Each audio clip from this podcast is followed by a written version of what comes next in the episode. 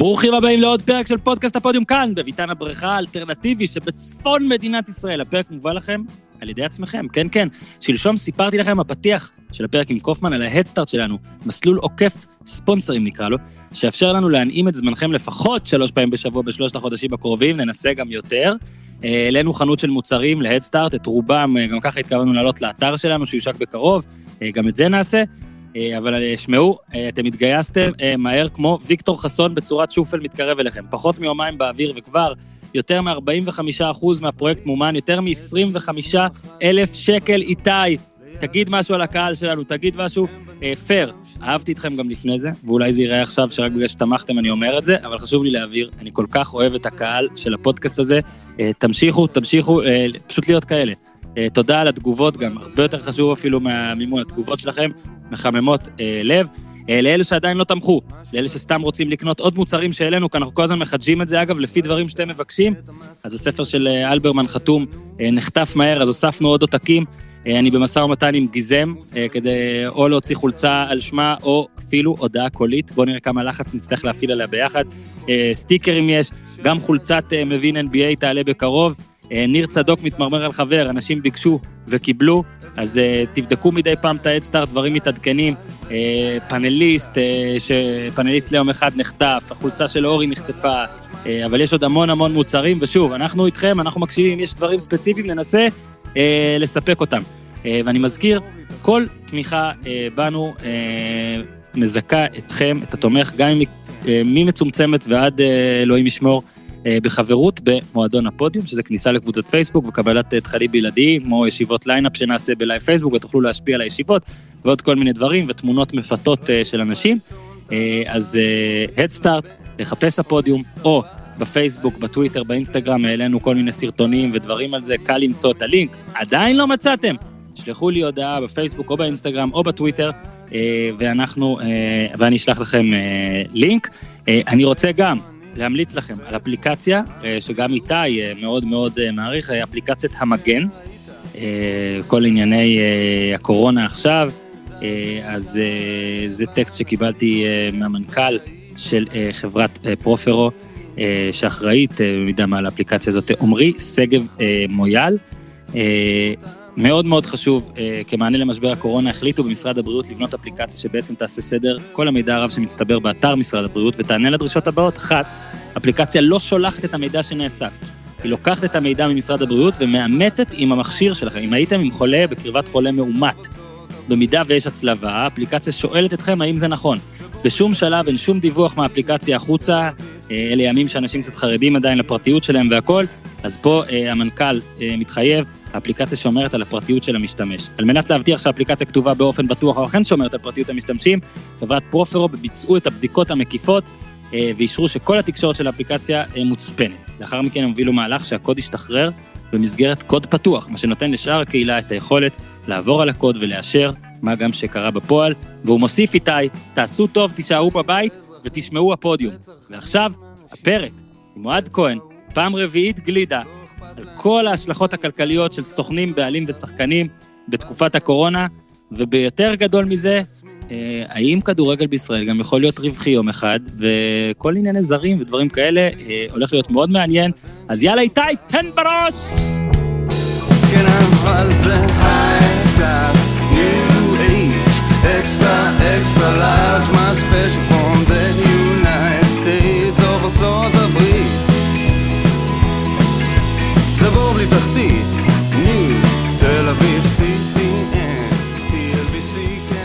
אהלן אוהד כהן. מה הולך? בסדר, אני כבר אומר גם לך וגם למאזינים, שאני לא יודע מאיפה אתה מדבר, אתה מדבר איתי מדירתך בתל אביב? כן, כן, נעול פה גם חופרים לי על המוח, אני אפילו חלון לא יכול לפתוח, אבל uh, מה נעשה? וואלה, אז אני מדבר, אני ברחתי uh, לצפון עם המשפחה, ואני אחזור בקרוב, אני מאמין. Uh, בוא נראה עד כמה יוחמר פה הסגר. אז אני כבר אומר שאם אתם עכשיו uh, קצת מתבאסים מהאיכות וזה, אז רק תדעו שבזכות איתי והמכשור שלו, בכלל מה שיש עכשיו זה מה שיש. אה, וכמו שאמרתי גם בפתיח, הפתיחים הקודמים, ובכלל, אנחנו תמיד ננסה לתת לכם את האיכות הכי טובה, אבל העיקר, העיקר, העיקר, שיהיה מה לשמוע.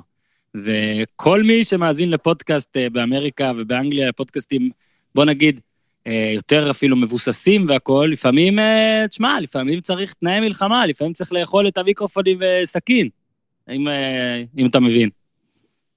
אחי, אתה היית בצבא הרבה שנים בתפקידי לחימה, אני מאמין שקשר אתה יודע לתפעל, אנחנו נסתדר. שמע, איתי נתן לי פה עכשיו משהו שמתחבר לטלפון ולטלפון, ועוד מכשיר שאליו מתחברים דברים, אבל מה זה כן, זה מכשיר קטן. אז אני, אני מקליט מביתן הבריכה האלטרנטיבי שבמושב בן עמי, בצפון.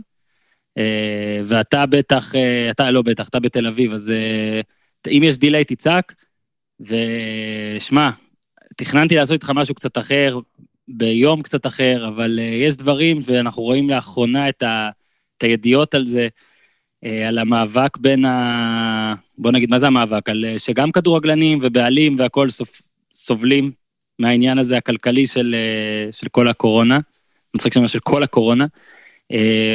כתבת פוסט, פוסט מאוד מאוד מאוד מעניין. אה, מי שלא קרא, אז לקרוא, אבל רק אחרי הפרק אה, בפייסבוק, כדי שכל מה שתשמעו עכשיו יהיה מחדש. אבל בוא נתחיל ב... תשמע, איך אתה מסתדר, איך זה פוגע בך, אה, כי כולם נפגעים.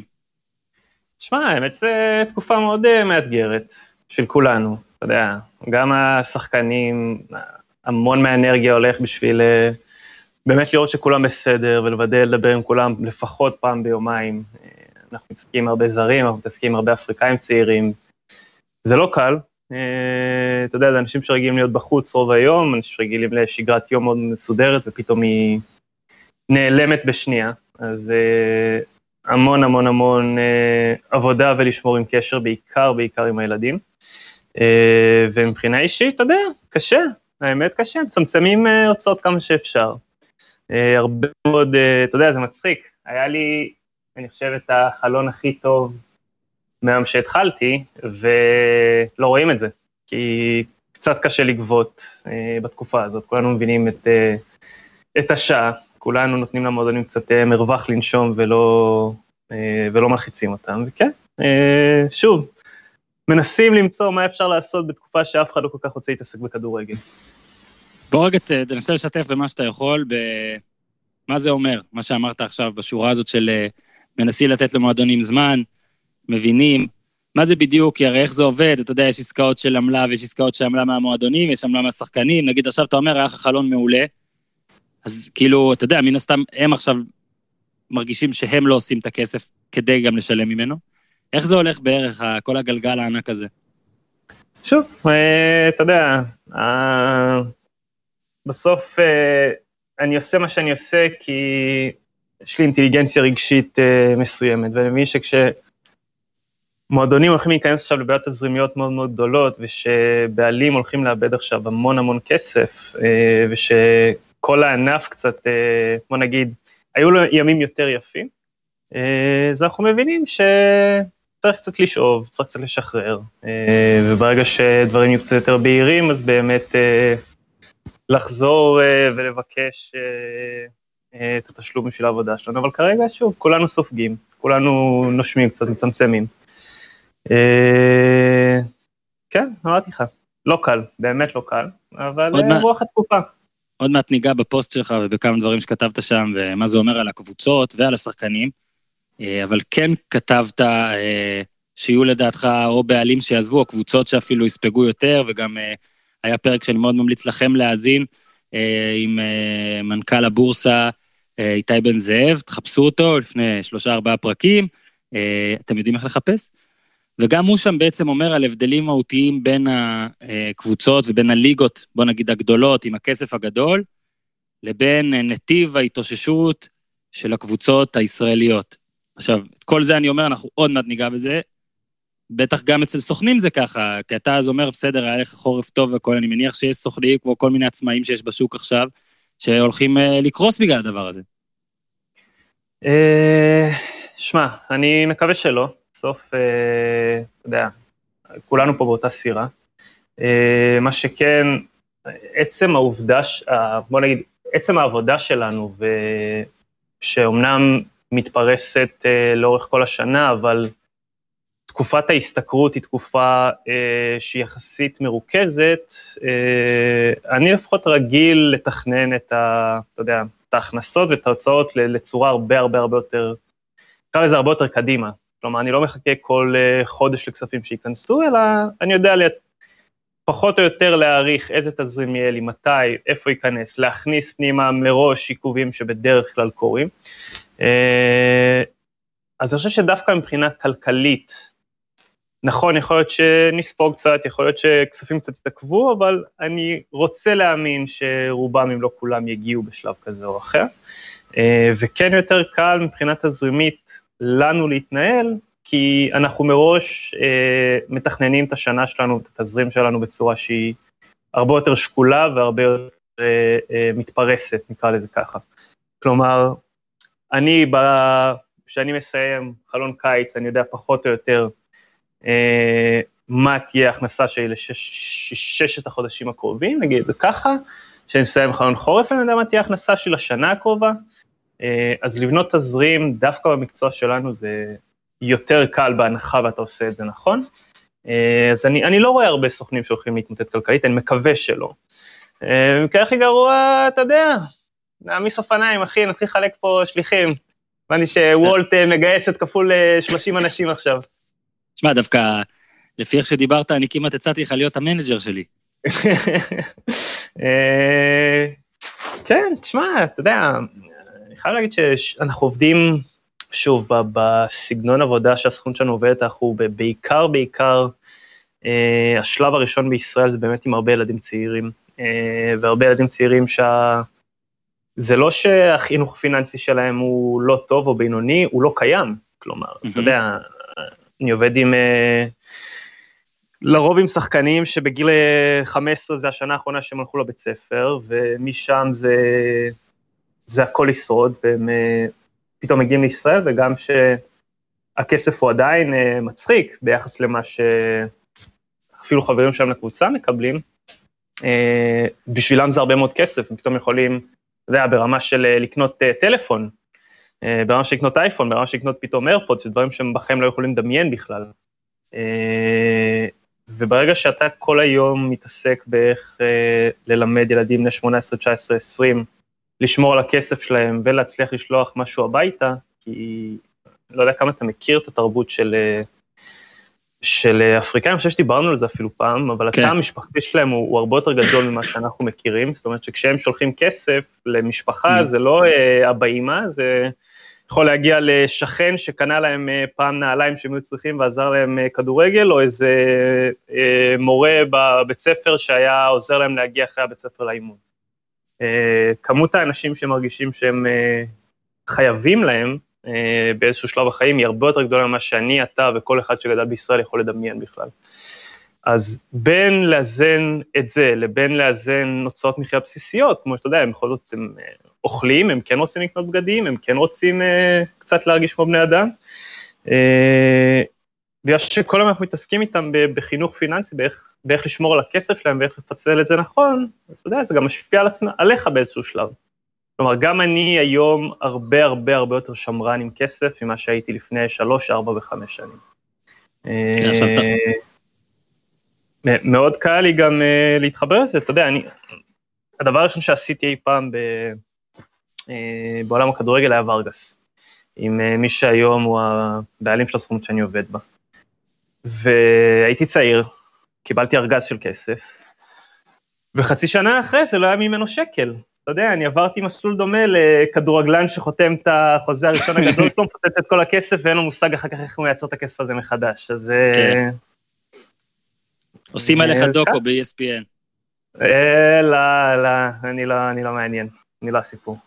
עכשיו, אה, ראינו היום, לפחות ראיתי באחד האתרים, אני חושב שזה הוואן שברקת עוזבת, אני חושב שעכשיו קיבלתי פוש, שאומר שזה אסי חמי מכחיש, אבל זה מתחבר לפוסט שאתה כתבת, אה, וכתבת אותו לפני שתי הידיעות האלה, כתבת אותו ב-22 במרץ, לפני ארבעה ימים, אה, ושוב אני מחזיר גם לפרק עם מנכ"ל הבורסה, שכאילו די גרם להבין שפה קצת יותר קשה, גם בגלל מבנה הבעלות, וגם אה, אתה הוספת על כמה זה אחרת בגלל מבנה הליגות, הקבוצות או החוקים, איך שתרצה לקרוא לזה.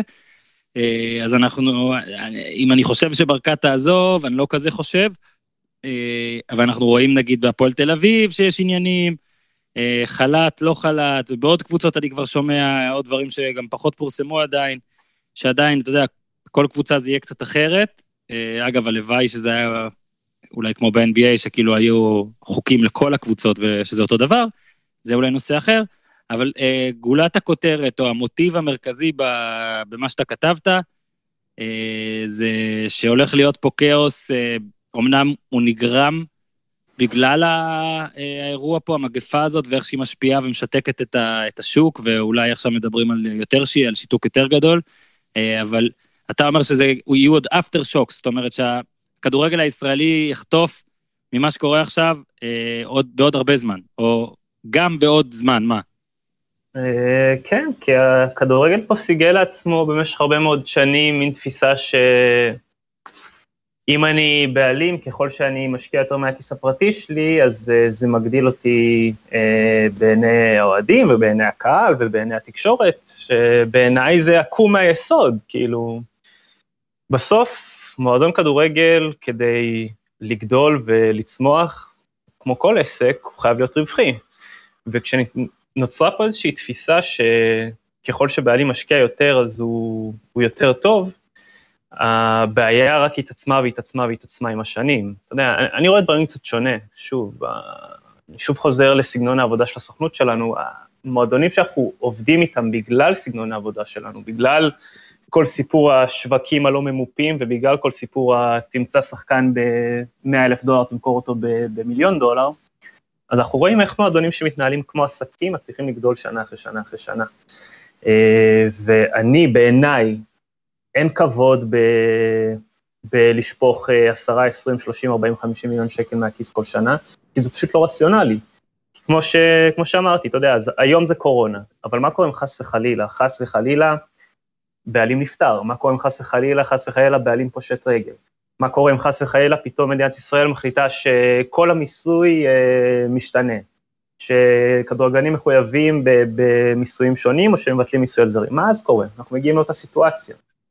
כלומר, היכולת היחידה של כדורגל לשרוד לאורך הרבה מאוד שנים ולספוג אה, ולצמצם אה, פגיעות, שאמרתי לך, יכולות לבוא היום איזה וירוס מטורף שמן הסתם זה, זה באמת איזשהו פורס אה, מז'ור, איזה משהו שאי אפשר להתכונן אליו, אבל היו יכולים להיות 100 אלף תרחישים אחרים שהיו מביאים לאותה תוצאה,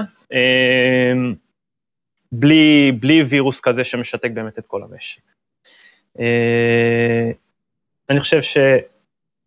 אתה יודע, יש פה, יש פה באמת הזדמנות מאוד מאוד גדולה אה, לעשות שינוי אמיתי שעוד שלוש, ארבע, חמש שנים, יכול להיות שבאמת נרוויח ממנו. אתה יודע, כל, יש, כל משבר יש את האנשים ש, שמרוויחים, ולא סתם אחד המשפטים שאני הכי זוכר, כשהתחלתי קצת ללמוד, זה adapt or die. אה, אז יש לך פה באמת סיכוי, יש לך פה באמת הזדמנות לעשות adaption אמיתי. אה, לפרק הרבה מאוד שלשלאות שבמשך שנים יצרו את המעגל הזה של חוסר רווחיות שאין לך איך לברוח ממנה. וזה זה ההזדמנות של כולנו. אז אתה יודע, הרבה פעמים אנשים אה, אומרים מה לא בסדר, ואז תמיד אנשים אומרים להם, אז בוא תגיד לי מה כן צריך לעשות. אז הנה, אני שואל אותך, מה כן צריך לעשות? בגדול, אתה אומר הרי שאולי אפשר ללמוד מהדבר הזה, אז בוא תלמד, תן קצת טיפים, מה אתה חושב שצריך לעשות? אז אה, יש הרבה מאוד אה, צעדים שאפשר לעשות, אה, שכל אחד מהם יבוא ויקדם אותנו שלב קדימה, אבל בעיניי הכל, הכל, הכל מתחיל מזה שאנחנו חייבים לנרמל את השוק. אתה יודע, כתבתי את הפוסט הזה כי באותו בוקר התעוררתי, וקפץ לי שהייתי אצלך, סליחה, שהייתי אצלך בדיוק לפני שנתיים, פעם ראשונה בפודיום. אמרתי, וואלה, מגניב, אני... כן, מזל טוב, אמרתי, יאללה, משעמם לי, בוא, בוא נשמע את הפוד הזה שוב, בוא נראה. ובאמת דיברתי שם על זה שכדורגלים ישראלים לא יכולים לצאת, כי וואלה, הם יקרים, והאינפלציה היא לא נורמלית. אה, וזה מצחיק שבאמת שנתיים אחרי זה אנחנו, כשאנחנו באים ומנסים לנתח את הסיטואציה הזאת, אז אתה רואה למה מועדון כדורגל לא יכול להיות רווחי בישראל. מועדון כדורגל בראש ובראשונה לא יכול להיות רווחי בישראל, כי מתוך 25 שחקנים שיש לו, 19 חייבים להיות ישראלים. וברגע ש-19 חייבים להיות ישראלים, זה אומר שכל שחקן ישראלי שנותן חצי שנה, שנה טובה, השווי שלו מגיע לרמות שהן לא ריאליות, כי למועדונים אין ברירה. כי המועדון בסוף, אם הוא לא ישלם, מישהו אחר ישלם, כי ההיצע דל, 19 שחקנים חייבים להיות ישראלים, מתוכם רק חמישה על המגרש, זאת אומרת, בכל שלב חייב להיות לי שישה שחקנים ישראלים על המגרש, ו-13 מתוך 18 ו-19 מתוך 25 בסגל כולו. זה אומר שהשווי של הישראלי הוא לא פרופורציונלי ביחס לרמה שלו. עכשיו, זה לא אשמה של השחקנים הישראלים, הפוך, הם בעיניי הראשונים שנפגעים מזה. כי אז שאתה בא ואתה רואה כמה קשה לשחקן ישראלי לצאת החוצה, בלונג טרם כולנו מפסידים. זאת אומרת שבוא ניקח את אה, רוב השחקנים הישראלים שיצאו החוצה בחמש, שש, שבע, שמונה שנים האחרונות. הרוב המוחלט יצא, או כי הוא עשה חוזה מאוד מאוד טוב בגיל 16, 17, 18 שאפשר לו לצאת, ראה ערך אה, מונס דבור, שכשאתה מגיע בגיל 17 אז קל לך להכניס סעיף אה, שחרור של 250 אלף דולר, כי אף אחד לא מאמין שזה באמת יקרה, אז הקלפים הסתדרו לו, באמת הוא הצליח לצאת בגיל צעיר ולממש לאן שהוא יכל להגיע. או דוגמאות כמו uh, תומר חמד ו...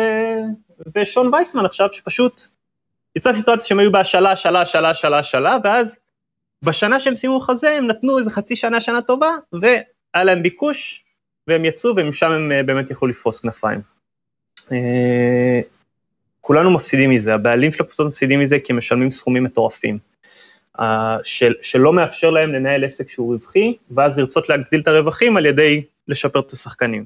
השחקנים מפסידים מזה, כי אמנם כן, יהיה את החמישה, עשרה, חמש עשרה שחקנים שיקב, שייצרו קריירה ארוכה בליגת העל וזה יהיה שווה להם הרבה כסף, אבל בשביל החמש עשרה האלה אנחנו מקריבים בערך אלף, אלפיים, שלושת אלפים שחקנים כל שנה, כי השחקנים האלה תקועים פה. עכשיו, מה קורה שמכבי תל אביב משמרת את אותו סגל שלה במשך הרבה מאוד שנים? מה קורה שמכבי תל אביב משאירה ב-11 הראשונים שלה אותם חמישה, שישה, שבעה ישראלים כל שנה? כל הדור הבא לא יכול להצטרף אליה. כלומר, כל הילדים שלה מהנוער לא מוצאים את המקום שלהם להשתלב. אז שחקנים כמו אה, אה, דור פרץ, כמו יונתן כהן, כמו דן גלזר צריכים לחכות לגיל 22 כדי שהם בכלל יוכלו להתחרות על מקום שם. ויותר מזה, גם שחקנים מקבוצות קטנות אחרות, קשה להם עוד להתקדם למכבי תל אביב, כי היום כל שחקן ישראלי ממועדון ביניים שעושה עונה טובה, עולה מיליון, מיליון וחצי יורו אה, עם אה, אחוזים מכירה עתידית בתוך השוק, כי אין ברירה, אין תחליפים. עכשיו, בעיניי החטא הכי גדול בכל הסיפור הזה, זה שאחר כך גם הדור השני אוכל את החרא. כי אז ש, אה, שגלאזר למשל, או שנטע לביא, יעשו סוף סוף את העונת פריצה הטובה שלהם מגיל 22, 3, 4, אז גם הם יעלו 4-5 מיליון יורו, ואז שוב לא יהיה מי שישלם עליהם, ולא בגלל שהם לא טובים. בגלל שבסוף כשמועדון בא, הוא רואה שיש שחקן בן 24 מישראל שעולה 4-5 מיליון יורו, אומר, בואנה, הוא בן 24 משחק בישראל, למה שאני אשלם את הסכום הזה? זה, זה, זה לא רציונלי. וכל המעגל חיים דפוק הזה ממשיך, וכולם מפסידים ממנו. עכשיו, אז אם אתה... אתה יודע, זה, זה מצחיק, כי כשג'ורדי, לדעתי זה היה, ג'ורדי כשרצה שיהיו יותר, יותר זרים, לדעתי בסוף זה התפשר על אחד, אז כאילו ה... הנרטיב היה, אה, ג'ורדי קרויף רוצה שלקבוצה שלו יהיה יותר סיכוי באירופה. אה, אתה פה ואומר, אתה בא ואומר פה שהרי הגישה הנגדית היא בעצם, אה, אם יהיו מלא זרים פה, אז לישראלים שלנו לא יהיה יותר מדי ספוטים להתחרות עליהם, משמע הנבחרת תסבול, אתה מבין? כאילו הכדורגל הישראלי, ובגלל זה הנבחרת תסבול. אתה בעצם אומר, אתה גם מראה בפוסט שם דוגמאות על אנגליה, בלגיה והכול, שבעצם זה, זה לא רק שזה לא נכון, אלא זה יכול להיות זה הפוך. בדיוק, זאת אומרת, אין, אתה יודע, בסוף אה, אנשים אוהבים לדבר מתחושת בטן ומראייה לטווח קצר, והם לא מבססים את הדברים שלהם על נתונים. נבחרת בלגיה בעשור הזהב שלה עכשיו. סבבה? נבחרת בלגיה, ההגבלת זרים שם היא, היא, היא לא קיימת, אוקיי? אתה מתוך 25 שחקנים, אתה חייב ששמונה יהיו הום גרון.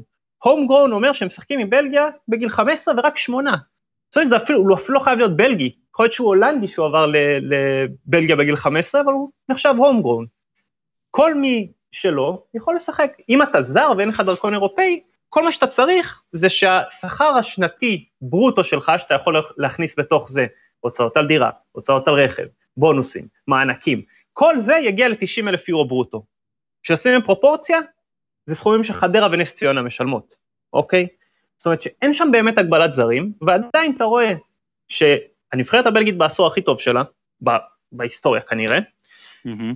שחקנים בלגים מפוצצים בכל אירופה, בכל המועדונים, בכל הרמות, מ top five leagues עד אה, רמות מתחת, ומועדונים בלגים רושמים כל שנה רווחים מטורפים, גם משוק העברות וגם השווי שלהם בתור עסק עולה בטירוף. בלגיה, מועדונים בלגים עלו בין 15-16 ל-17-18 בממוצע של 4% בשנה. זה 12% בשלוש שנים, וזה בלי להכניס רווחים מכירת שחקנים שהיו 234 מיליון יורו בתקופה הזאת, זה לא נורמלי. אז סך הכל אנחנו מדברים פה על תחושות, לא על נתונים, כי הנתונים אומרים בדיוק ההפך. אין ליגה בעולם היום שהיא מצליחה שהשערים שלה סגורים. כל ליגה שערים, שהשערים שלה סגורים קורסת. אז אתה רואה את ישראל, אתה רואה את סרביה, בוא'נה, היה לך קבוצות סרביות לפני 30 שנה שהיו עושות גמר צ'מפיונס, היום הם לא עושות בתים. אתה לא יכול להתעלם מהשינוי שעבר בכדורגל באירופה ב-20 שנה האחרונות, שהשערים נפתחו. ברגע שהשערים נפתחו, אז שחקנים מצאו הרבה יותר הזדמנויות, ידע עבר בטירוף בין המקומות האלה, הכל נהיה מין מסיבה אחת אה, גדולה ויפה, ורק אנחנו לא רוצים לקחת בה חלק. אנחנו כאילו עשינו ברקסיט. בדיוק, זה מה שעשינו. כולם חוגגים במסיבה גדולה, ורק אנחנו יושבים בחוץ. למה? כובע, אין סיבה, אין רציונל. מבודדים. כן, אין רציונל. ואז מה שקורה, זה שאמרתי לך, כולנו מפסידים. כי שחקנים לא יכולים לצאת מפה, מועדונים לא יכולים להתחרות פה, כי בסוף יש היצע מאוד מאוד דל, בסדר? אין מה לעשות, זה הסיטואציה כרגע, ואתה לא יכול לגדל דם חדש, כי לדם החדש הזה אין מקום להיכנס. עכשיו שוב אני שואל, בהרכב שיש לך אה, אה, גולסה, טיבי, אה, דסה, עטר, אה, ייני, אה, סליחה, שכחתי באמת עוד, עוד שלושה ארבעה שחקנים בוודאות במכבי תל אביב. איפה אתה נכנס בתור שחקן צעיר? אז אתה יוצא להשאלה עוד שנה, עוד שנה, עוד שנה, עוד שנה, עוד שנה, ובגיל 22-3 אתה מקבל את הצ'אנס שלך. אין... זה... מה שאתה אומר אבל, עכשיו זה נשמע קצת מוזר, כי תסתכל, לא, זה... לא שאני מפקפק בזה, אלא שוב אני חוזר למה שאמרנו, ואולי למה שאתה ואני אפילו ננסה, ננסה לעשות עכשיו בקצרה, על זה להראות שכן יש דרכים אולי שבסופו של דבר, אחרי תהליך XYZ, חלק מהקבוצות פה יוכלו לעשות כסף. כי הרי השתרש פה קטע שבעלים פה לא יכול לעשות כסף, זה ברור, שאלה כמה אתה מפסיד. כדי לקבל הכרה, כדי להיות יהודי טוב, כדי להיות אידיאולוג. ב-NBA למשל, ובספורט האמריקאי, יש את הקטע של בעלים ושחקנים, נגיד 50-50, 51-49, ואז לכולם יש אינטרס שהמוצר הזה יצליח. כי אתה, ככל שהוא מצליח, אתה מקבל. פה אתה אומר שיש, אתה טוען שאם הליגה פה תהיה פתוחה, הליגה פה תהיה טובה יותר, הנבחרת גם תהיה טובה יותר כנראה, ובעיקר אה, יותר כסף יזוז פה, מה שיגרום לבעלים להוציא פחות, ואולי באופן נדיר גם להכניס יותר. איפה פה לא- הכוח לא... של הבעלים? ב- to make it happen. כאילו, האם זו רק בורות? האם זה ארגון שחקנים שלא נותן לאף אחד לזוז? האם זה משהו מעבר? אני חושב שזה שילוב של הכל. אני חושב ש...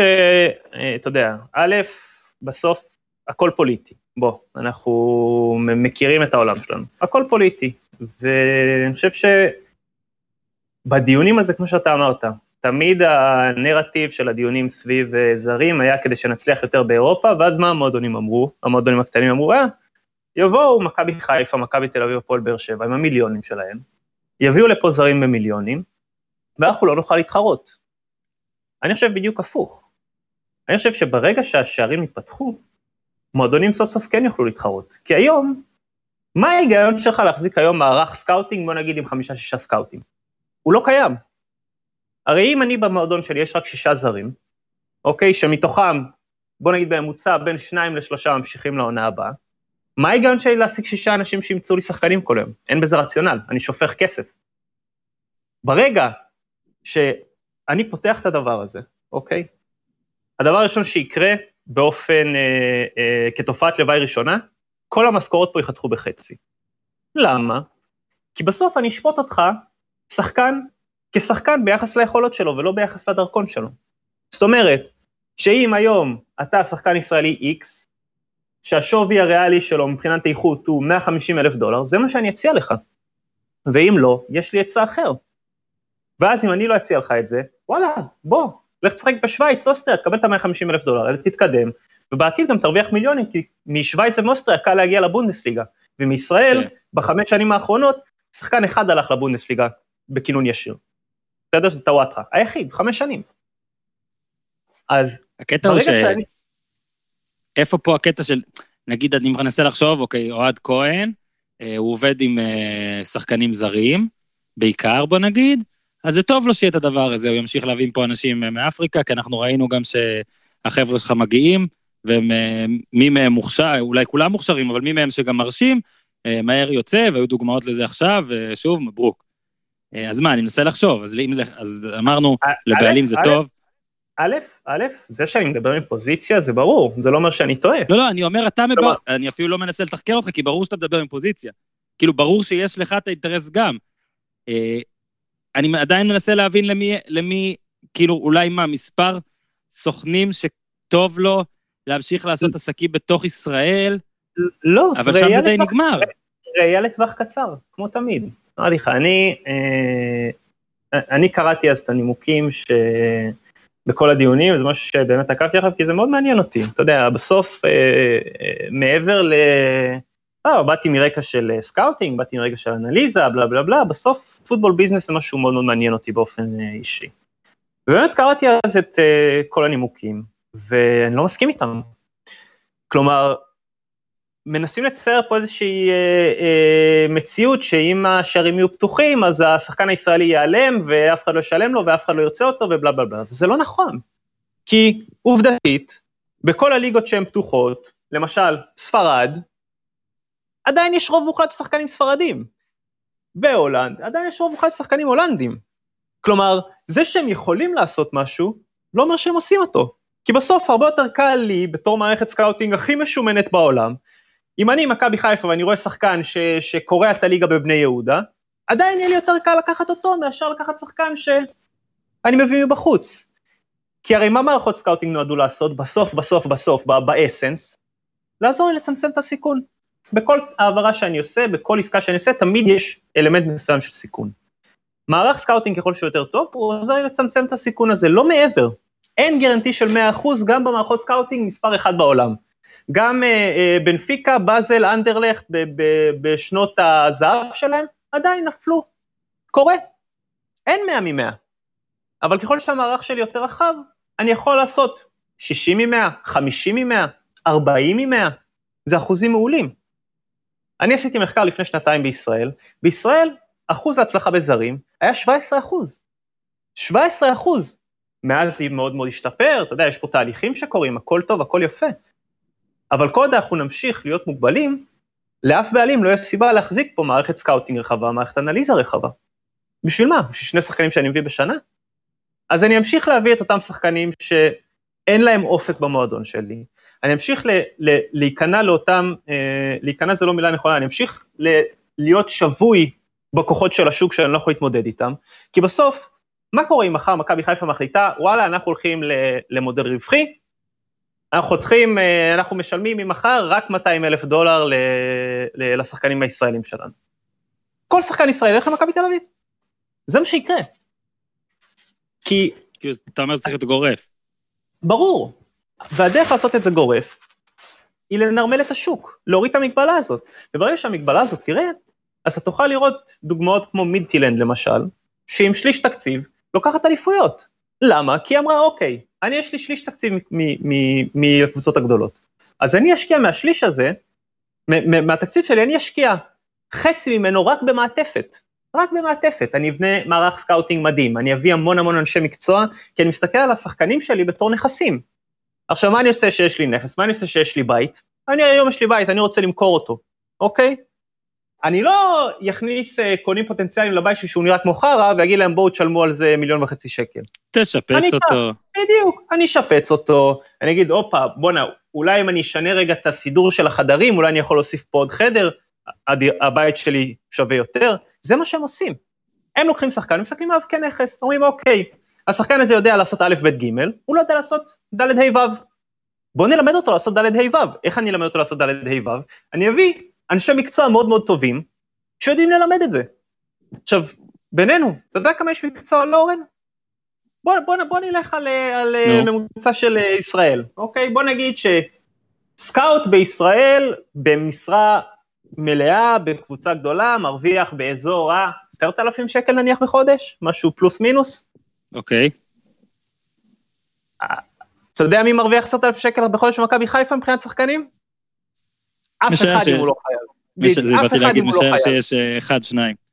יפה. זאת אומרת שאם אני לוקח משכורת של שחקן אחד, בסדר? באמת, לוקח שחקן אחד, מוותר על שחקן אחד בכיר בשנה. שחקן אחד. אה, בכיר בכלל, כן. אתה מביא איזה מלא סקאוטים. מביא, מוותר על שחקן אחד בכיר בשנה, בסדר? שמרוויח, בוא נניח, באזור ה... 300 אה, אלף דולר ברוטו אפילו נגיד, סבבה? אפילו לא הקצפת, אלא אחד בכיר שמרוויח 300 אלף דולר ברוטו.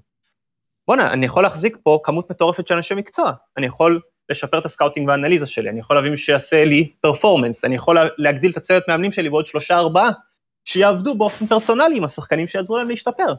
אני אשדרג את הנכס שלי, והוא יהיה שווה יותר.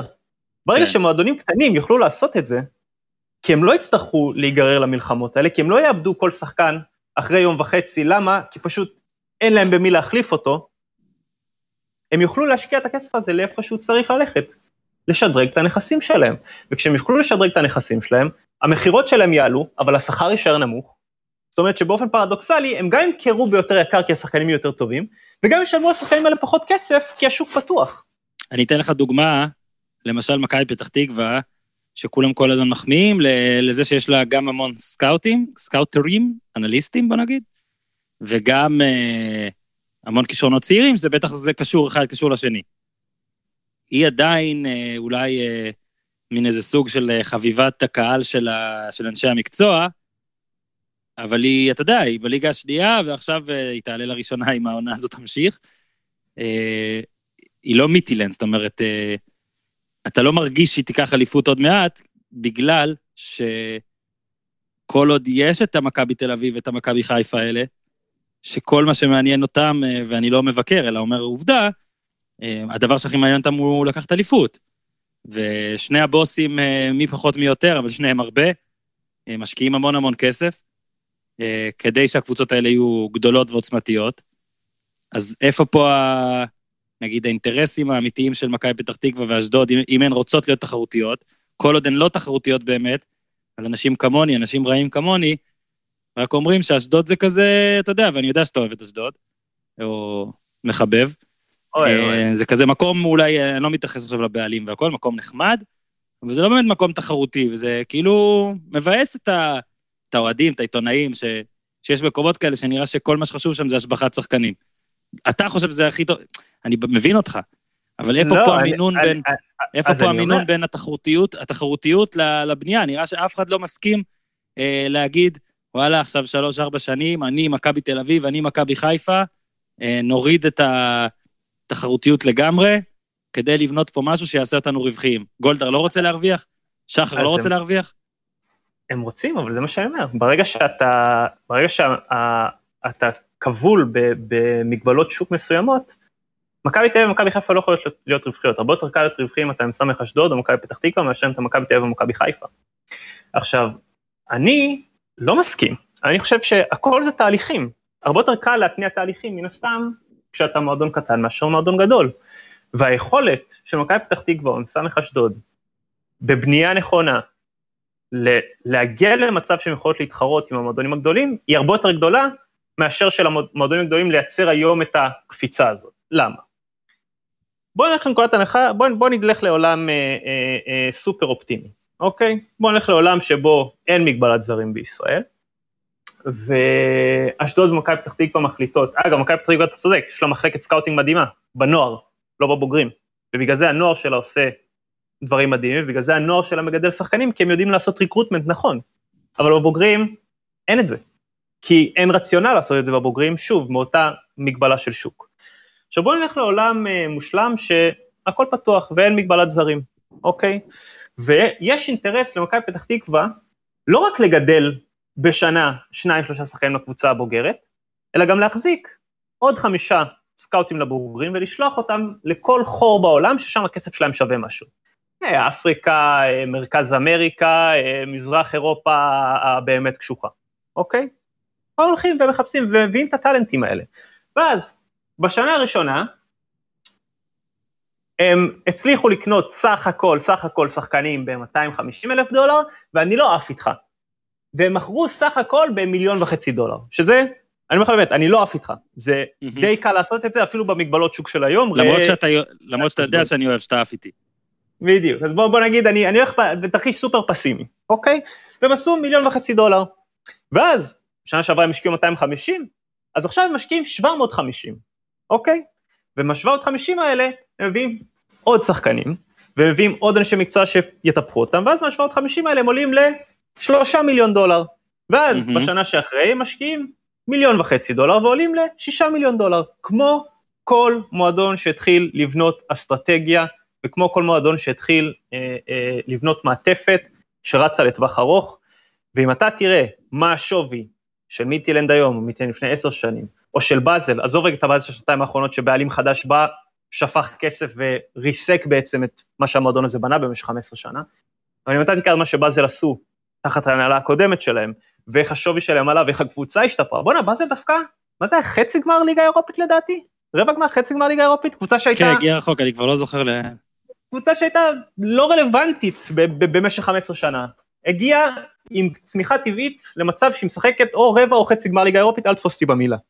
אנדרלכט עשתה חצי גמר ליגה אירופית. זה מועדונים שגדלים באופן טבעי. זה מועדונים שגדלים באופן טבעי כי הם עשו shift, והם התאימו את עצמם לשוק, והם עשו shift, והם הבינו ש recruitment ומעטפת, זה הדבר הכי חשוב שמועדון יכול לעשות בשביל לגדול. ואז לא רק שהם נהיים יותר רווחיים ויותר טובים, ומייצרים שחקנים יותר טובים, הם גם נהיים יותר תחרותיים. אז נכון, זה לא קורה תוך יום, זה קורה תוך כמה שנים. אני יודע שהמון אנשים לא אוהבים את רדבול. אוקיי, המון אנשים מסתכלים על הדבר הזה, פלסטיק, בלה בלה בלה, וכל ה... המונחים האלה. אני מעריץ אותם. אני חושב שזה הדבר הכי מטורף והכי חכם שמישהו אי פעם עשה בעולם הכדורגל, וככה העתיד של עולם הכדורגל הולך להיראות, והיום אין מועדון באירופה שלא מנסה להעתיק את המודל שלהם. למה? כי הם עשו בדיוק את זה. הם אמרו, אוקיי, אנחנו בסוף רוצים לייצר כמה שיותר כדורגלנים שאנחנו קונים ב-100 אלף דולר, ולמכור אותם ב-50 מיליון. זה מה שאנחנו רוצים לעשות. אז הם התחילו, ובהתחלה זה התחיל מרשת אה, קשרים מאוד מאוד ענפה באפריקה ובדרום אמריקה. ואז בשלב שני זה נהיה מועדונים, היה להם את רדבול גאנה, שהיום הם עושים אותו דבר עם וואפה, היה להם את רדבול ברזיל, שעדיין יש להם, שזה השלב הראשון. ככה הם מייצרים ידע בשוק. אז הם מביאים את כל האפריקאים אז לרדבול גאנה, והם מביאים את כל הדרום האמריקאים אז לרדבול ברזיל, שנה מריצים אותם, מתחילים איתם את המעטפת של רדבול. משם עברו לזלצבורג, עכשיו שוב, כסף שנשאר בתוך המועדון, כן? אתה קונה את השחקן הזה ב-50 אלף דולר במדינה שלו, ומתחיל להריץ אותו את השרשרת. מגיעים לזלצבורג, עוברים לליפרינג, לקבוצת פט. מליפרינג, אחרי שנה, עושים שנה, שנתיים בזלצבורג, משם ללייפציג, בכל השרשרת הזאת הם כבר מכרו אותו 50 מיליון, 5 מיליון, ומלייפציג הוא עף ב-50 מיליון. עכשיו, לא רק שכל הכסף נשאר בתוך הקונצרן, אלא כל הזמן יש להם שחקנים טובים. כשאתה היום הולך ורואה את רדבול זלצבורג, אתה הולך לראות חצי מהשחקנים שתוך שנתיים הולכים לקחת אליפות בבונדסליגה. אז נכון, פלסטיק, אין אוהדים, אין מסורת, בלה בלה בלה. אבל יש כל כך הרבה דברים ללמוד מהמודל הזה, של איך לבוא, להיכנס לשוק חדש שאתה לא מכיר, למצוא את השחקנים הכי טובים שאתה יכול בכסף קטן, להכניס אותם למערכת שלך, לשפר אותם, להעצים אותם בתור נכס, למכור אותם, ולהשתפר בטירוף מבחינה תחרותית על הדרך. כולם רואים השנה את רדבול לייפציג בליגת האלופות ובונדסליגה אומרים בואנה, זו הקבוצה הכי כיפית שראינו שנים. אז הם גם סופר רווחיים, גם עושים דברים נכון, וגם נהיים הרבה הרבה הרבה יותר טובים מקצועית ממה שהם היו. ברגע שאתה תפרק את הסיפור הזה, ששוב, יש הרבה דברים לפרק בישראל, כן? אבל בעיניי אחת הבעיות העיקריות שמונעות רווחים והשקעה וטיפול לטווח ארוך, זה כל הסיפור הזה, שמאוד מאוד קשה לעשות את זה בישראל היום, כי אין היגיון להשקיע המון המון כסף במעטפת, כי המעטפת הזאת לא יכולה לתת לך את הבונוס המספיק גדול שאתה צריך לקבל, כי בסוף ההיצע שלך תמיד יישאר מוגבל. קודם כל אני שוקל לעוד את uh, רדבול עכשיו, אגב, עמית אה, שלנו מהסושיאל, אה, הוא אוהד אה, הרבה, ארדה, אז הוא כל כך ישמח. עמית, הגעת לקטע הזה עכשיו, אתה בעננים, אתה בטח גם תשלוף אותו לפייסבוק, כי אתה, אתה מבין, אתה, אתה מושחת, אבל בסדר, זה הקטע יפה, ותשמע. שלא, שלא תטעם, הם עושים לנו, הם עושים לנו צרות באפריקה. עשו לנו הרבה בלאגן באפריקה, ועדיין, אי אפשר שלא להריץ אותם. בסדר, תשמע, גם במקדונלדס. באמת, עושים באמת. בעיות. הקטע הוא, הקטע הוא שכאילו שונאים, אתה יודע, כמו שאמרת, הקטע של הקהל ושל מסורת, אבל uh, זה מצחיק עד כמה מועדונים שיש להם המון מסורת וקהל חם, uh, מפגינים נגד uh, בעלים כשהקבוצה לא מצליחה, ומתבאסים כשהיא יורדת לליגה השנייה, וכשהיא לא תחרותית ואין לה סיכוי לאליפות. זה ממש מה שרציתי להגיד גם קודם לגבי חיסרון מהותי ב... בהצפת השוק בזרים, כאילו, וזה היה חיסרון, פלסט, חיסרון פלסטי, שגם אני אגב אה, טענתי אותו הרבה פעמים, ואולי זה היה מוגזם של עוד פאק, לכאורה זה מחסור בזהות. 19 זרים, נגיד 18 זרים, לא יודע, בקבוצה, מחסור בזהות. בדוגרי אנחנו רואים את זה למשל, מכבי תל אביב, הפועל ירושלים בכדורסל, שמה שהכי חשוב לאוהד, הבאמת אמיתי, שעוקב אחרי הקבוצה המון, זה לנצח, זאת אומרת, חשוב לו שהקבוצה תהיה טובה. הצלחה. חשוב לו שיבוא למשחק ויהיה כיף ויהיה איכותי. אני, אני דווקא חושב שהמחסור האמיתי בזהות, נגיד אם לוקחים את הכדורסל, זה בגלל שכל כך קל להחליף זרים, ואז מחליפים מלא מלא מלא מלא זרים בתוך הקבוצה, בתוך עונה, ואז זה באמת יוצר בעיה של זהות, גם בקרב האוהדים וגם בקרב האוהדים הניטרלים. זאת אומרת, אני בכדורסל בליגה הישראלית לפעמים כבר לא יודע מי איפה. רגע, הוא בראשון? הוא באשדוד? הוא ב... אבל הרי אם, אם אתה יוצר, וראיתי שכתבת את זה גם, שיש מינימום נגיד אה, שכר להבאת זרים, ומן הסתם אה, בכדורגל אה, לא כזה פשוט כל הזמן להחליף זרים ושחקנים, יש לך מועדים שאפשר ורוב המועדים שאי אפשר, אז זה לא תהיה איזה בעיה בזהות, כי בסופו של דבר ראינו נגיד פריצה, ואתה רואה נגיד בבאר שבע שהיה את הזרים, את ויטור, ו... זאת אומרת, האוהדים מתחברים מאוד לשחקנים הזרים כשהם מצליחים, כשהם טובים, כשהם גם לא, כשלא, אין תחלופה כל חודש, אז uh, גם זהות זה לא כזה, זה אמיתי, שאין, כאילו, מחסור בזהות. זה די פייק כבר. א', א', אה, אתה יודע, מה זה זהות? תגיד, אכפת למישהו שאוהד את מילווקי בקס, שרוב השחקנים, אה, שיאניס מיוון? בדיוק. לא מעניין אותו. מעבר לזה, מה זה זהות? כמה שחקנים בישראל מחליפים קבוצה כל שנה? אתה יודע, בוא, זה קשקוש. כאילו, עכשיו אני אגיד לך מעבר לזה. בכדורסל אני מתכוון, נתתי את הדוגמה. אז זהו, אני אגיד לך מעבר לזה, אנשים מדמיינים פה איזשהו תרחיש אפוקליפטי, שאם אה, אה, יפתחו פתאום את השערים, אז אה, שנה הבאה יהיה 22 מתוך 25 שחקנים יהיו זרים. לא, זה קשקוש. האם יכול להיות שתהיה עלייה מאוד חדה בשנה, שנתיים הראשונות? כן, אבל זה יתאזן מאוד מאוד מהר. שוב, כי אני אומר, הרבה יותר קל לי, בתור מועדון ישראלי, לקנות שחקן שקרא את הליגה בקבוצה אחרת, להביא אותו אליי מאשר להביא מישהו מבחוץ. עכשיו, מעבר לזה, הזהות שאתה מדבר עליה, אתה יודע מה? אפשר לייצר אלף ואחד פתרונות של בלמים. כלומר, פתח זרים, למשל, באופן uh, מוחלט, אבל תכריח שני שחקנים ישראלים על המגרש בכל שלב נתון, מתחת לגיל 21. יש אלף ואחד פתרונות וחס... ו... ו... שאתה יכול לייצר שייצרו בלמים לדבר הזה כדי שמועדונים פה לא יאבדו את הצפון, למרות שאני אומר מראש, אני לא רואה מועדונים פה מאבדים את הצפון, כי כמו כל דבר, בכל העולם זה נראה ככה, ואתה לא רואה מועדונים מאבדים את הראש. אני שוב חוזר לבלגיה, אנדרלכט לקחה את האליפות האחרונה שלה עם שלישיית קישור בלגית מתחת לגיל 21. עכשיו זה מועדון שא' הוא די עשיר, וב' הוא יכול להביא איזה שחקן בעולם שהוא רוצה, מכל ליגה, מכל דרכון, בלה בלה בלה, על העמדות האלה, ולא, יש לו שלושה שחקנים מוכשרים, בלגים שלו, צעירים על העמדות האלה, הם מספיק טובים, אז הם, הם כבר מתחרים עם איכות ולא עם דרכון. אתה יודע, מאמן היום שהוא מביא שחקן זר, מה קורה הרבה פעמים? גם אם השחקן הזה לא טוב, הוא כאילו, הוא הביא אותו אז הוא מתאבד עליו. למה? כי הוא, היה, הוא יכל להביא רק חמישה, אז הוא חייב להוכיח שהשחקן הזה טוב. ואז אתה בעצם מייצר אפליה מתקנת הפוכה. אתה מזיין את השחקנים הישראלים. כי השחקן לא יכול להתחרות בכלל, גם אם הוא יותר טוב ממנו, הוא לא מקבל את הצ'אנס. רק באיזה, שאנחנו מתכוונים לחודש דצמבר, שהמאמן אומר, אה, הזר לא מספיק טוב, אז אני אזרוק אותו החוצה, אז סוף סוף השחקן הישראלי היותר טוב ממנו, מקבל בכלל הזדמנות להראות שהוא יותר טוב ממנו. אני אומר לך, תפרק את זה. תפרק את זה, למי אכפת מהפספורט? או שאתה טוב או שאתה לא טוב, אני לא צריך להתאבד עליך יותר. אם אתה טוב, אתה תשחק, ואם אתה לא טוב, אתה לא תשחק. שוב, בסוף יש דבר אחד שאי אפשר להתחרות איתו לאורך זמן, קוראים לזה איכות. ועובדתית, כל זר שאתה מביא, שניסה לצורך העניין לזרוק את uh, בן סער מהרכב מבאר שבע, בסוף בן סער חזר.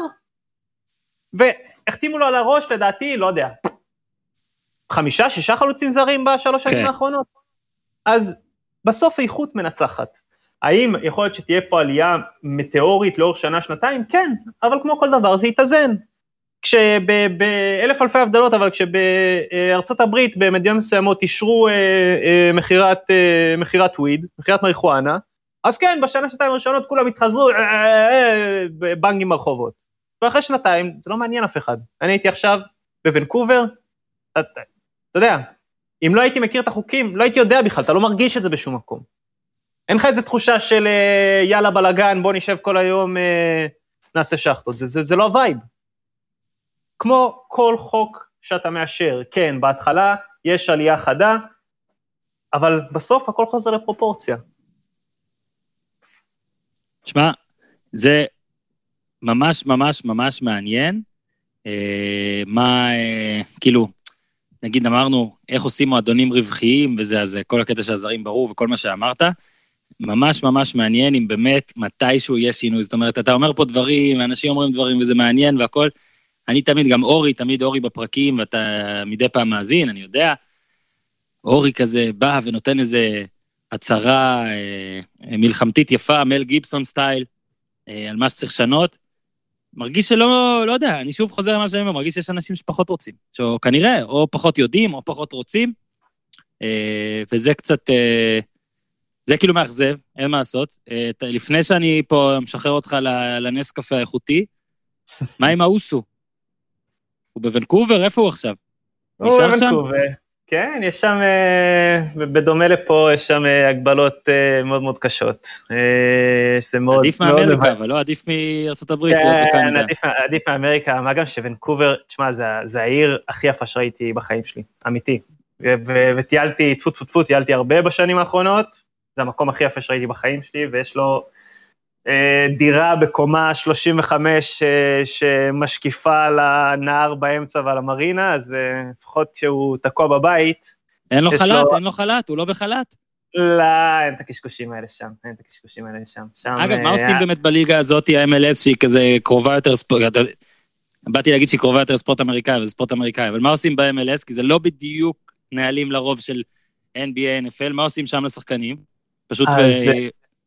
האמת, האמת, שמע, אנחנו, אתה יודע, אנחנו קיבלנו ריקושטים של uh, קיצוצים מכל הליגות בעולם עד עכשיו, חוץ מה-MLS. ה-MLS היחידים שעוד כרגע לא, לא עשו כלום. Uh, לא רק שהם לא עשו כלום, זה גם, זה, זה אפילו לא בשיח כרגע. Uh, וזה משמח אותנו כי יש לנו עכשיו חמישה שחקנים ב-MLS מפוזרים. אנחנו מקווים באמת ש...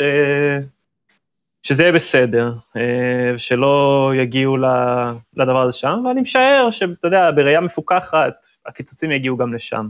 בסוף אה, אי אפשר, אי אפשר אה, לברוח מזה. העולם מפסיד הרבה מאוד כסף, וזה אומר שכולנו מפסידים הרבה מאוד כסף. זהו, אני, אני לא רוצה להיכנס איתך לקבוצות פרטיות, נגיד נחזור שנייה לארץ, לא לקבוצות פרטיות ולא לשחקנים ספציפיים שלך. יש הרגשה שכאילו יש כמה קבוצות, אני חושב, אה, עזוב, אמרתי לא נגיד שמות, יש כמה קבוצות שאתה רואה ששחקנים מקבלים את זה לפחות אה, פומבית מאוד בהבנה, יש כמה קבוצות שזה נראה יותר, אה, מאבק יותר קשוח. הקטע המעניין פה, אגב, חל"תים וכל הדברים האלה, זה שרובנו, נגיד אני וכל מיני אנשים, שאתה עובד בחברה, אז החוזה שלך לא קצוב, ואז אפשר לעשות את הדברים האלה, ויש משמעות מאוד מאוד ברורה, אבל לשחקני כדורגל בחוזה קצוב זה מאוד מעניין, זה מאוד שונה. כי, אתה יודע, מוציאים מישהו לחל"ת, אז הוא יכול אה, להתפטר בדין מפוטר, והוא יכול לחתום אבטלה, ורוב הסיכויים של, בני, ואתה יודע, אצל בני התמותה, אבטלה קרובה, נגיד, למשהו שאתה עושה, ושחקני כדורגל שיכולים לחתום אבטלה, זה מן הסתם קיצוץ מטורף. אה, אבל האם, אתה יודע, איך היה... איך... זה מאוד מאוד מוזר, כל ההתייחסות אליהם, של... אה, שפתאום שחקני כדורגל, כאילו, אתה שם אותה במין סירה כזאת של, אה, נקרא לזה עובדים רגילים מן המניין, אבל הם, הם בחוזה קצוב, אז זה, זה מאוד שונה. אתה יודע, זה מאוד, אני חושב ש... שחקני כדורגל הם אה, בין העובדים, במיוחד בישראל, חוקי פיפ"א הם מגדירים מאוד מאוד שונה את הדברים האלה, אבל במיוחד בישראל, אני חושב שעובדי כדורגל, שחקני כדורגל הם כנראה העובדים הכי פחות זכויות אה, ב- ב- מכל התחומים.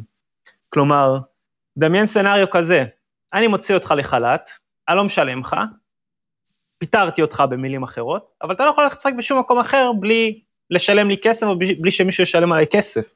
כלומר, אם היה בא ואומרים, אתם רוצים לעשות חל"ת, הכל בסדר. אבל אז שחקן יכול להתיר את החוזה שלו, כן, אגב... בדין מפוטר כמו... גם, לקבל את החוזה, בדיוק, לקבל פיצויים. כמו לפי חוקי פיפ"א, אבל פה העוול הוא כפול. כלומר, הוא גם לא מקבל כסף, והוא גם משועבד למעביד שלו, שזה חתיכת הזיה, כן? עכשיו, אתה יודע, באים, אה, הרבה אנשים אוהבים לבוא להגיד, אה, מה, שחקנים כדורגל מרוויחים מלא מלא כסף, בלה בלה בלה, א', הם לא מרוויחים מלא כסף, הרוב המוחלט מרוויח שכר שהוא דומה לשכר במשק, וב', גם האלה שמרוויחים כסף, מבחינת אחוזים, זה מינורי. הרי, אורן, אתה יודע מה אחוז השחקנים בישראל שיגיעו אי פעם לקריירה מקצוענית, שזה אומר אחת משתי הליגות הבכירות? ארבעה? שני אחוז מגיל נוער, אוקיי? זאת אומרת, אני לא, אני לא מדבר... איך רציתי לפגוע בול, אוף.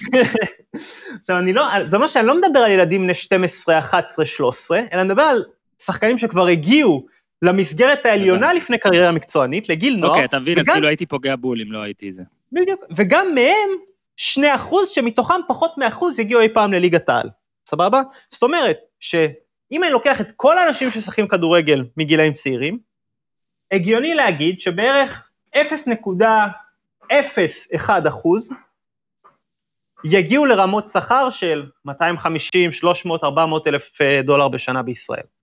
ואם אתה רוצה רגע להשוות את זה למשק, אז אני חושב שכן, גם 0.01 עובדים בהייטק יעשו סטארט-אפ ויגיעו להרוויח סכומים שהם גם כפול 4, 5, 10, 30 בגיל 28, 9, 30, שהם ימכרו את הסטארט-אפ שלהם. זאת אומרת, שחקי כדורגל גם לא באמת מרוויחים הרבה כסף.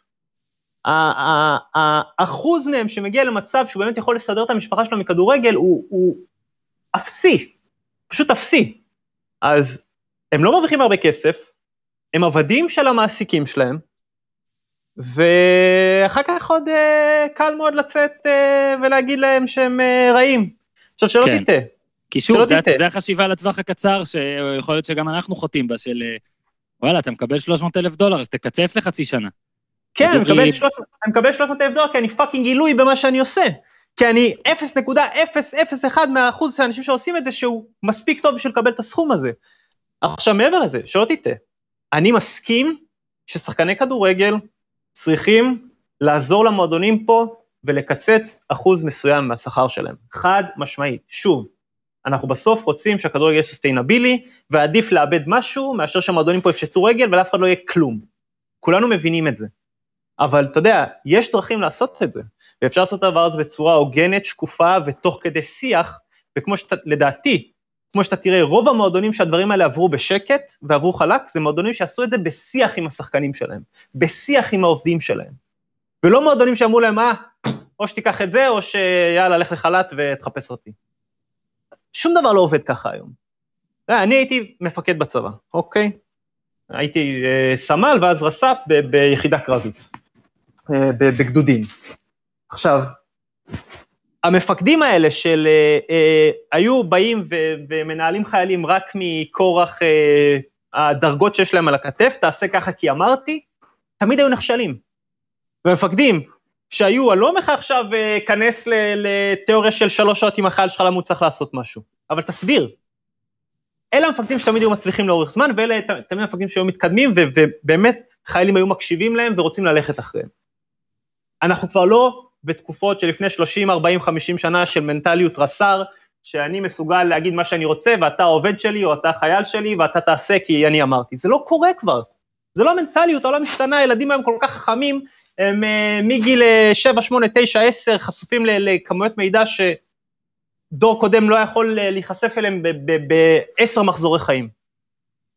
אז המועדונים שבאו והתייחסו לשחקנים שלהם כמו אנשים אינטליגנטים, שאפשר לנהל איתם דו-שיח, לא שמעת? חצי תקלה. ומועדונים שהחליטו לבוא ולהגיד, take it or leave it, הופה, שם פתאום יש לך אה, טרור ושחקנים שלא מוכנים אה, להקשיב. טוב, כרגיל עניינת אותי. אני קצת עצבני עכשיו, קצת מדוכא יותר, אה, קצת אה, מלא בתקווה, הכל ביחד. אה, מר כהן, תודה רבה. בוא נקווה שהפעם הבאה, אגב, זו פעם רביעית, כן? בוא נקווה שהפעם החמישית תהיה באולפן של שנינו, ביחד. אמן, אמן. עם איתי, כשאיתי איתנו בחדר, וזה יגיד, זה כבר יגיד שקרו קצת דברים טובים. אבל שוב, תודה על הזמן שלך, שיהיה המון בהצלחה, ויאללה, ניפגש בוונקובר. יאללה, אמן, אחי, תבוא, ניסע לשם בקיץ אם הכל יהיה בסדר. יאללה, שלום. יאללה, ביי, תודה. ביי ביי. אז תודה לאוהד כהן, אה, מזכיר, פרקים, אה, היה פרק עם קופמן, אה, מאוד מאוד מומלץ, מי שעוד לא האזין לפרק עם מנכ"ל הבורסה, שדי די די בא ב... ב בוא נגיד, במקביל לפרק הזה, אז להאזין גם לו. מזכיר, לכל האנשים שרוצים לתמוך ועוד לא הספיקו, ולכל האנשים שתמכו ורוצים, אין, חולצה חדשה שהעלינו עכשיו, בדקו מדי פעם את החנות שלנו בהדסטארט, אז פשוט תעשו הדסטארט, חיפוש הפודיום, או בפייסבוק, באינסטגרם, בטוויטר שלי, יש לינקים, מאוד מאוד קל למצוא. לא מצאתם? שלחו לי הודעה באחת מהרשתות החברתיות, נשלח לכם לינק בחזרה. אני שוב רוצה להודות לכל החבר'ה שכבר תמכו, וכמובן אלה שלא תמכו, אבל רוצים להמשיך להאזין, הכל טוב. אנחנו לא, מי שיכול, בכיף. מי שלא, אה, לא. אה, תודה רבה אז שוב לכולם, תודה רבה אוהד, תודה רבה איתי, עד כאן לפעם. 我走。